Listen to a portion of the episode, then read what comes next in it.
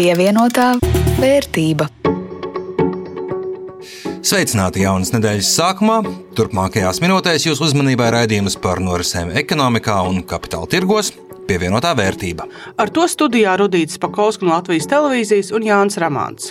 Šodien būsim tādi makroekonomiskāki par to, kādas sekas Latvijas ekonomikā gadu laikā ir atstājis Krievijas nepamatotais brutālais iebrukums Ukrainā. Augsta inflācija, sankcijas, preču un pakalpojumu plūsmu pārmaiņas - tās ir tikai visredzamākās sekas. Ne tikai par sekām, bet arī to, kas nākotnē jāņem vērā, plānojot, piemēram, biznesa attīstību. Bet iesāksim ar īsu ekonomikas aktualitāšu kopsavilkumu. Pievienotā vērtība. Tā, kas mums šobrīd aktuāls ir budžets, ir inflācija, ir skandāli iepirkumos un konkursos. Nu, gan tev ļoti konspektīvi sanāca. Nu jā, bet, ja paplašinātos teikumos, tad jā, budžets ir pieņemts. Par to kritizēts tiek viss, sākot ar pieņemšanas gaitu, jo nu, ko labu var sagaidīt neguļot un intensīvi strādājot diennakti, līdz pat tam, ka naudas nav lietām, kurām noteikti to vajadzētu. Piemēram, medicīnai lielākais ieguvums no šī budžeta laikam ir tas, ka beidzot tas ir. Un pašvaldības, valsts iestādes un citi no budžeta atkarīgie beidzot var sākt droši darīt šogad darāmās lietas, zinot, cik daudz nu, vai maz iedots. Ja par inflāciju, tad pamazām šķiet piepildās prognozes par inflācijas rimšanu. Janvārī pret iepriekšējo gadu cenas kāpušas par 20,3%, kas ir mazāk nekā mēnesis pirms tam.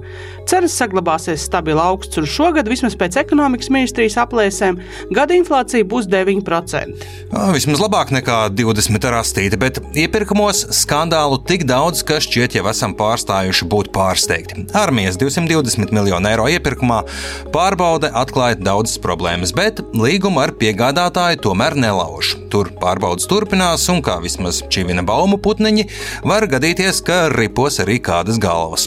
Nu, un stabili problemātiski ir sabiedriskā transporta pārvadājuma iepirkumi. Jaunākais notikuma pavērsiens - tiesa liek laust līgumu par pārvadājumiem vidzemē ar Nordeku. Stāsts īsumā. Nordeka uzvar konkursā, bet nesāk pārvadājumus, jo nu tur Covid karš, bet pārējie uzņēmumi vēršas tiesā. Saka, ja mums dod tikpat daudz laika sagatavoties, arī būtu labāku piedāvājumu uztaisījuši un varbūt arī uzvarējuši. Tiesa piekrita, ka šādi radīts priekšrocības vienam pārvadātājam un liek līgumu laust. Jāpiebilst gan, ka Nordeka spriedumu plāno pārsūdzēt, tā kā seriāls turpinās. Pie kaimiņiem Lietuvā politiķi ķērušies pie banku sektora un plāno papildus solidaritātes maksu tām, kā skaidro Lietuvas premjere Ingrīda Šimonīte, šo maksu varētu iekasēt no tās peļņas, ko bankas guvušas no procentu likmju kāpuma, neko lāgā nedarot. Lietuvā aplēsuši, ka šādi varētu iekasēt 510 miljonus eiro un tos tērēt militārajai mobilitātei. Tankus pirks vai? Nē, negluži būvēs apvedceļus, rekonstruēs šosejas, tiltus, viaduktus, kuri atrodas pie militāriem objektiem vai strateģiski svarīgajās vietās. Bet noslēgumā Noslēgumā mazs atgādinājums tepat no Latvijas. Pērnedēļ krāpnieki ķērās pie gada ienākuma deklarācijām un izsūtīja īsiņas, aicinot tās aizpildīt. Tikai tāda maza, maza problēmiņa. Links ved uz vietu, kurā ievadot bankas datus, tos nozog. Nu, tad neticam visādām īsiņām un nespiežam uz visādiem mums nezināmiem labvēļu atsūtītiem linkiem. Ir pagājis jau vairāk nekā gads kopš Krievijas pilna mēroga iebrukuma Ukrainā, un, lai gan, protams, salīdzinot ar to postu, kas ir nodarīts Ukrainai, varam būt pateicīgi, ka mūsu cena galvenokārt tiek maksāta naudā, nērtībās, nevis dzīvībās. Apmēram tā arī aizdītajā nedēļā iesākot ekspertu diskusiju Latvijas bankā par kara sekām Latvijas ekonomikai, saka Latvijas bankas pētnieks un ekonomists Kārlis Vilērts. Šis gads ir pavadīts vardarbības, ciešanas un nežēlības ēnā, un gada laikā ir laupīts neskaitām daudz dzīvību, ir izpostīts miljoniem dzīves un ir sagrauta infrastruktūra daudzu miljardu eiro vērtībā. Līdz ar to uz cilvēciskās traģēdijas Ukrainā fona runāt par kara ekonomisko ietekmi uz Latviju var šķist otršķirīgi, un tas tā arī ir. Tomēr vienlaikus ir jāsaprot, ka karš ir galvenais iemesls kāpēc Latvijas iedzīvotāji saskarās ar desmit gadiem neredzētu strauju inflāciju un kāpēc Latvijas ekonomika stagnē. Vienā skaitlī ielikt kara ekonomiskās sekas Latvijai ir, ir te neiespējami, tomēr mēs uz to varam mēģināt paraudzīties sekojoši. Pērn Latvijas ekonomika aug uz pusi lēnāk nekā mēs gaidījām kara priekšvakarā, bet inflācija bija te jau trīs reizes straujāka. Apgalvot, ka visas Latvijas tautsēmniecības problēmas ir kara fona sekas, protams, nebūtu korekti, tomēr lauvas tiesa no tām tādas ir. Galvenie iemesli, kur dzena cenas augšup un neļauj ekonomikai augt, ir trīs - tirzniecības apsīkšana ar Krieviju un Baltkrieviju, energoresursu un arī citu izēvielu sadārdzināšanās, un arī tas, ka mūsu reģions tagad dēļ fiziskā tuvuma Krievijai ir investoru acīs kļuvis bīstams un nepievilcīgs. Runājot par katru no šiem atsevišķi, tirzniecība nav nemaz sarikusi tik strauji, kā varētu domāt. Piemēram, dzērienu eksportā vai farmaceitisko produktu eksportā mūsu eksports uz Krieviju un Baltkrieviju vismaz vērtības ziņā ir pieaudzis. Tur, kur tiek ieviestas sankcijas, tur mēs redzam arī tūlītēju tirzniecības samazinājumu. Bet atcerēsimies, ka sankcijas netika visas ieviestas vienā dienā, viņas tika ieviestas pakāpeniski visu caur gadam. Līdz ar to arī tirzniecības statistikā sankcija ietekme ir redzama tā no ar, ar zināmu laiku nobīdi.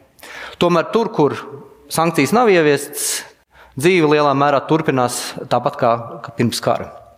Līdz ar to, domājot par tirzniecības kanālu, vismaz šobrīd runāt par kaut kādu tirzniecības apsīkšanu īstenībā nav pamata. Par sankcionēto preču grupām runājot, ir redzamas gan likumsakarības, gan atsevišķi saudabīgi fenomeni. Par spīti tam, ka vērtības ziņā tirzniecība ar Krieviju un Baltkrieviju nav būtiski sarikusi, tā ir strauji pieaugusi ar NVS valstīm, norāda Vilerts. Tirzniecības eksports uz Kazahstānu, Kirgistānu, Armēniju mums 2022. gadā te četrkāršojās. Protams, Skaidrojums šim fenomenam, nu, tur var būt vairāk iemeslu, kāpēc tas tā ir. Var jau būt, ka tie uzņēmumi, kuri iepriekš orientējās uz Krievijas tirgu, viņiem ir vieglāk pārorientēties uz Kazahstānu vai Kirgistānu nekā, teiksim, Franciju vai Itāliju. Cits skaidrojums ir, ka gluži vienkārši šīs valstis nav šo preču galamērķis. Šai hipotēzei pa labu spēlē fakts, ka tās kategorijas, kurās eksports uz šīm valstīm pieaug visstraujāk, ka reizi tieši tās pašas, kuras sankciju dēļ liekts ievest Krievijā. Katrā ziņā tas ir jautājums, kas ir pagūvis iegūt gan plašāku sabiedrības uzmanību, gan, es domāju, arī tiesību sargājušu iestāžu. Mēs esam maza valsts. Uz austrumiem eksportējušu uzņēmumu skaits nav mērāms tūkstošos, bet pāris simtos. Līdz ar to aiz katra darījuma vismaz idejas vajadzētu saprast arī motivāciju. Ja importa eksporta attiecībām ar agresoru valstīm nav tieši un nozīmīgi ietekmi iedzīvotājiem atziņos un, kā saprotam, arī ekonomikā kopumā, tā ir mazāka nekā gaidīts un prognozēts, tad mazliet cits stāsts ir par energoresursu un citu izēvielu cenām. Šis sitiens ir trāpījis pa ikvienam aciņu. Krievija vienmēr ir izmantojusi savus energoresursus kā ieroci savu mērķu sasniegšanai un turpinās to darīt. Tur nevajadzētu būt ilūzijām.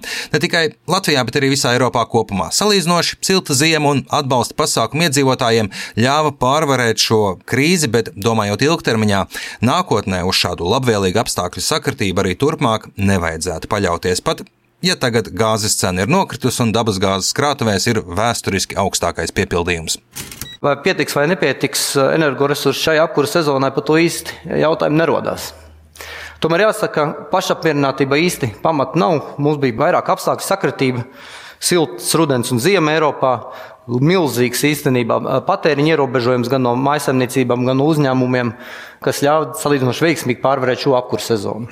Nav teikts, ka zvaigznes sastāsies tikpat labi arī turpmākajos gados. Līdz ar to, kamēr Eiropas mērogā Krievijas piegādēm nav atrasts lēts un drošs alternatīvs, tikmēr jautājums par energoresursu pieejamību un to cenu saglabājās aktuāls. Ja tirzniecība un energoresursu pieejamība un cenas ietekme ekonomikas procesos var izmērīt, tad stipri sarežģītāk ir ar veiktām vai neveiktām investīcijām. Skaidrs, ka Krievijas tuvums ir papildu risks investoriem, lemjot ieguldīt, attīstīt biznesu vai nē pie mums. Ja, piemēram, starptautiskie tirgi bija gatavi Latvijai pirms Krievijas iebrukuma Ukrainā naudu aizdot uz tādiem pašiem nosacījumiem, kā piemēram Francijai, tad tagad mums aizņemties ir par procentu punktu dārgāk. Var, protams, diskutēt, cik tas ir pamatot, cik tas ir nepamatot. Diez vai mūsu valdības parāda risks ir fundamentāli mainījies šī gada laikā, bet no finanšu tirgiem strīdēties ir diezgan bezjēdzīgi. Kopumā investīcija apjoms Latvijā nav sarucis, bet kādus jēdzīgus secinājumus nevar izdarīt, jo nav tā, ka arī iepriekš mēs būtu kā īpaši izcēlušies ar spēju investīcijas piesaistīt un būt interesanti investoriem. Pievienotā vērtība. Tik tālu tāds kopsavilkums par karu ietekmi uz Latvijas ekonomiku. Pavisam īsi sakot, nav tik slikti, kā tika domāts, ka būs, un saliekot visu tā pa plauktiņiem, šķiet visvairāk pārsteidz tas, ka eksports uz Krieviju un Baltkrieviju nav būtiski mainījies. Protams, katram uzņēmējam savas prioritātes, savs stāsts, savi risinājumi, kā tikt galā ar izaicinājumiem, bet to, ko uzņēmumi dara vai nē, galvenokārt nosaka viņu konkurētspēja, saka investīcija banķieris Girts Rungainis. Problēma ir zema konkurētspēja. Uzņēmumi, kuriem šī konkurētspēja ir, viņi spēj pielāgoties apstākļiem un pārkārtoties. Un viņi nav arī tik atkarīgi un spēj būt aiziet pilnībā no šiem sankciju tirgiem. Jo uzņēmums ir mazāk konkurētspējīgs, jo viņš ir vairāk atkarīgs no Krievijas, Baltkrievijas tirgiem, jo viņam teikt, izdevīgāk ir meklēt šos te varbūt ceļus, kā zināmā mērā apiet sankcijas un kaut kāds cits risinājums. Tie, kas ir konkurētspējīgi globāli, viņi spēj gan atrast jaunus piegādātājus. Protams, tas kaut kādos gadījumos vismaz kādu laiku būs mazāk efektīvi, bet no otras puses ir arī tā, ka katrs šis izaicinājums dod iespēju kaut ko iemācīties un atrast jaunus piegādātājus un varbūt faktiski izdevīgāk iziet zināmā mērā no bieži minētās komforta zonas un tādos saspringuma brīžos arī ir iespējas uzņēmuma attīstībai. Ja? Jau kopš Krimas aneksijas Latvijas uzņēmēji labprātīgā piespiedu kārtā strauji mācās kapitālismu un esam arī daudz iemācījušies, tā rezumē Rungains. Tomēr jāsaprot, ka uzņēmējdarbības vide Latvijā ir sašķelta. Uzņēmējdarbības vide ir sašķelta.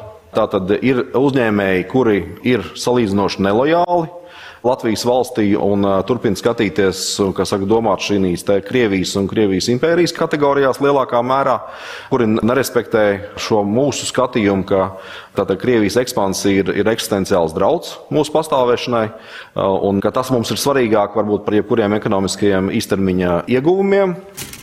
Viens ir nelojālie uzņēmēji, kuri neredz nekādas problēmas un pat lepojas sadarboties ar agresoru valstīm. Otrs ir tādi, kuriem tas ir eksistenciāls jautājums, un tad atbild uz to, kā darīt pareizāk, vairs nav tik viennozīmīgi, skaidro Latvijas Koku Rūpniecības federācijas izpildirektors Kristaps Klauss. Tajā brīdī, kad mēs stāvam pretī Krievijas vēstniecībai, visticamāk mums atbilde ir viennozīmīga. Bet tajā brīdī, kad uh, tu stāv pie uzņēmēja, kuram ir jāatlaiž 100, 200 darbinieki, un es pat nerunāju par hipotētisku, es runāju par mūsu nozares vienu uzņēmēju, ka viņam ir pārtraukuši šī plūsma no Baltkrievijas un Krievijas, tajā brīdī tā atbilde vairs nav tik viegla.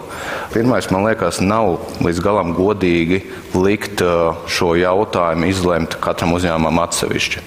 Ja mums, un es arī piekrītu, šis ir ekstrēms jautājums, ja mēs šīs vērtības stādām tik augstu, tad ir tāds instruments kā sankcijas. Ētikā, protams, nebija pats centīgākais students, bet, bet ja es pareizi atceros, tad ētikai ir uh, definīcija tāda, ka viena no, ka tu izvērtē sekas un skaties, vai tās sekas ir darījušas vairāk laba vai slikta, vairāk cilvēku vai ir guvuši labumu vai nē, un, un tam līdzīgi. Un tad, raugoties uz šo eksportu, man ir divādi sajūtas. Es tagad tā varbūt vulgāri, bet es teiktu tā, ka Kamēr vien tas ir alkohola eksports, es tur baigās problēmas neredzu, jo reizē mēs nodzirdam to valsti. Jēga no tā patēriņa nav nekāda. Produkti krītās, un mēs vēl izvelkam no viņiem ārā valūtu, kas ir ļoti vērtīga, un viņi nevar nofinansēt ieročus, piemēram, vai ar kaut kādus Moldovā nemierus. Tajā brīdī, kad es skatos uz mehāniku, elektroniku, kas var novest līdz divējādam izmantojumam, un kas tieši otrādi ceļ šo produktivitāti, nu, tur man nav vairāk tik, kā lai saka, iecietīgs skatījums. Atskatoties uz to, kas bijis un to, kas mūs sagaida nākotnē, koku rūpniecības nozares uzņēmējs Klauss norāda, ka sākumā mēs iespējams nesapratām visu kopainu un koncentrējāmies tikai uz acīm redzamo. To, ko mēs nenovērtējām, mēs tā kā sākās karš, ātri sākām rēķināt, cik mums ir gāze, kas notiks, piemēram, dēļ importa no Krievijas un Baltkrievijas un vispārējais. Mēs skatījāmies nu, to pirmo triecienu. Bet to, ko neviens īsti nenovērtēja, un jāatzīmē, ka man šķiet arī centrālās bankas, ne tikai Latvijas, bet vispār centrālās bankas, nu, nebija pirmajos mēnešos brīdinājumu, ka tā panika, kas sākās un, un izvērstās arī paniku cenās, un atceramies pārējo gadu, gan granulu stāstu, un, un šķeldu stāstu, un gāzes stāstu un vispārējais, kad uh, netika pienācīgi novērtēts šis sekundārais. Šobrīd es gribētu teikt, ka to ekonomiku vairāk pat neietekmē tik daudz šis tiešais efekts, kā piemēram kaut kāda izaiviela trūkums vai pazudušie tirgi eksportam, bet vairāk šis sekundārais, ka ir augušas procentu likmes, kas viennozīmīgi ietekmē tālāk privātpersonu gan pirktspēju, gan vēlmi iegādāties. Piemēram, būvniecības tirgi šobrīd gāžās, un būvniecība ir viens no būtiskākajiem ekonomikas mugurkauliem. Tāpēc mēs enerģētiku bieži vien novērtējam tikai tajā primārajā, apmēram cik sadārdzināsies elektrība vai gāze, lai kaut ko saražotu. Bet viņi jau sekundāri arī iesita. Nu, tajā brīdī, kad malkas baļķis no pēkšņi no 25 eiro par kubikmetru sāk maksāt 90 eiro par kubikmetru, tad mēs saprotam, ka mēs arī zāģbaļķi nevaram maksāt mazāk nekā par malku. Un tikko tāds maksāt par zāģbaļķi vairāk kā 100 eiro, tas dēls maksās dārgāk. Tā kā nereti šī netiešā ietekme ir atstājusi daudz, daudz lielāku ietekmi uz kopējo ekonomiku. Es domāju, ka pāragri ir teikt, ka mēs esam ļoti veiksmīgi pārlaiduši šo laiku. Es gribētu, mēs pārlaiduši esam pirmo šoku un zināmā mērā uz kaut kādu adrenalīnu devu mēs esam noturējušies. Bet kaut kad tas adrenalīns sāks izzust, mēs sāksim laizīt brūces, un tās brūces ir pietiekami dziļas iekšā arī Latvijas ekonomikā. Panikas vilnis ir galā, bet viena pēc otras parādīsies lietas un problēmas, kuras līdz šim ignorētas. Piemēram, tas, ka minerālu mēslu pērn saražots stipri mazāk nekā vajadzētu, un būs vēl citas problēmas, kuras iespējams vēl pat nesam sapratuši. Un šādas savstarpējās saiknes būs tikai pamanātas drīzumā. Un es neesmu pārliecināts, ka gan Eiropā gudrākie prāti, gan pasaulē gudrākie prāti, un arī Latvijā, ka mēs esam spējuši izanalizēt visu, ko mēs varam kāds brīnums šogad sagaidīt. Ārvalstu investoru padomus Latvijā pārstāv Dats Cīrulis, savukārt vērtējot tirzniecības aspektu ar agresoru valstīm, vērtīja, ka Latvijas sabiedrība ir parādījusi, ka tā ne tikai teorētiski x stundā, bet arī praktiski ir gatava rīkoties un atbalstīt to, kas ir pareizi. Pat tad, ja tas pašiem nav izdevīgi. Un ir jāņem vērā, ka Latvijas uzņēmēji patiešām daudz dara, lai palīdzētu Ukrainai, un tāpēc izraut no konteksta tikai importa, eksporta rādītājus, viņas prāt, nesot īsti korekti. Uzņēmēji ir ārkārtīgi daudz darījuši un ļoti dažādos rakursos darījuši. Gan uzņemot pie sevis tos, kas ir atbraukuši no Ukrainas šeit un, un meklē patvērumu, viņi uzņem viņus pie sevis, meklē risinājumus, kā viņus nodarbināt. Uzņēmēji palīdz ziedo pat koģenerācijas stacijas, kuras sūtīt uz Ukrainu. Un, un uh, vis visādos veidos uzņēmēji iesaistās un uzņēmēji mēģina šī, šo atbalstu sniegt. Un uh, es teiktu, ka uz visa tās ārkārtīgi plašās paletes, ko paldies katram katram uzņēmējam, kas to ir darījis tiešām no sirds, ja, uz tās ārkārtīgi plašās paletes fona, ko viņi vispār ir darījuši. Tas tirdzniecības jautājums par to, vai pie manis vēl joprojām var vai nevar nopirkt uh, preces no Krievijas un Baltkrievijas, viņš ir tikai viens elements no visas paletes. Un viņš viens pats izrauts no konteksta patiesībā ir tāds, nu, tāds apdalīts. Bet, ja viņi ieliek tajā kontekstā un vērtējot viņu kontekstā, es teiktu, ka uzņēmēji patiešām dara daudz.